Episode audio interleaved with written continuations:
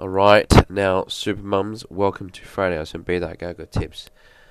so，依个呢，其实诶有啲妈妈就坐喺个凳啦，有啲妈妈呢就坐喺个地下啦，系咪先？咁你只脚嘅位置呢，又系摆边度呢？其实正常呢，你系需要摆喺个地下嘅。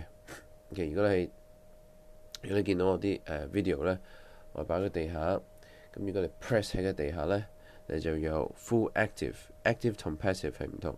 right？So active 咧，你就會 squeeze 你個 pat pat，亦都要用翻個地下，OK，engage 翻你個 core，跟住夾個背，記得一定要夾翻個背背骨，OK，後邊個背夾住個背，squeeze 住個背，英文叫 scapula，就係我哋兩個骨喺後邊，squeeze 住 scapula，lock 住佢，停胸收腹。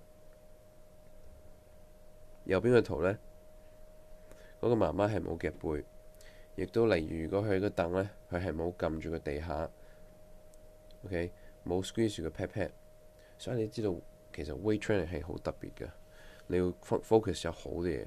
所以右邊嗰個人呢，就係冇夾住個，即係冇喺個地下撳住個地下，即個 foot 啦、腳啦，啊，佢冇撳住個地下，冇 squeeze 住個 pat pat，冇夾，冇夾個背嘅。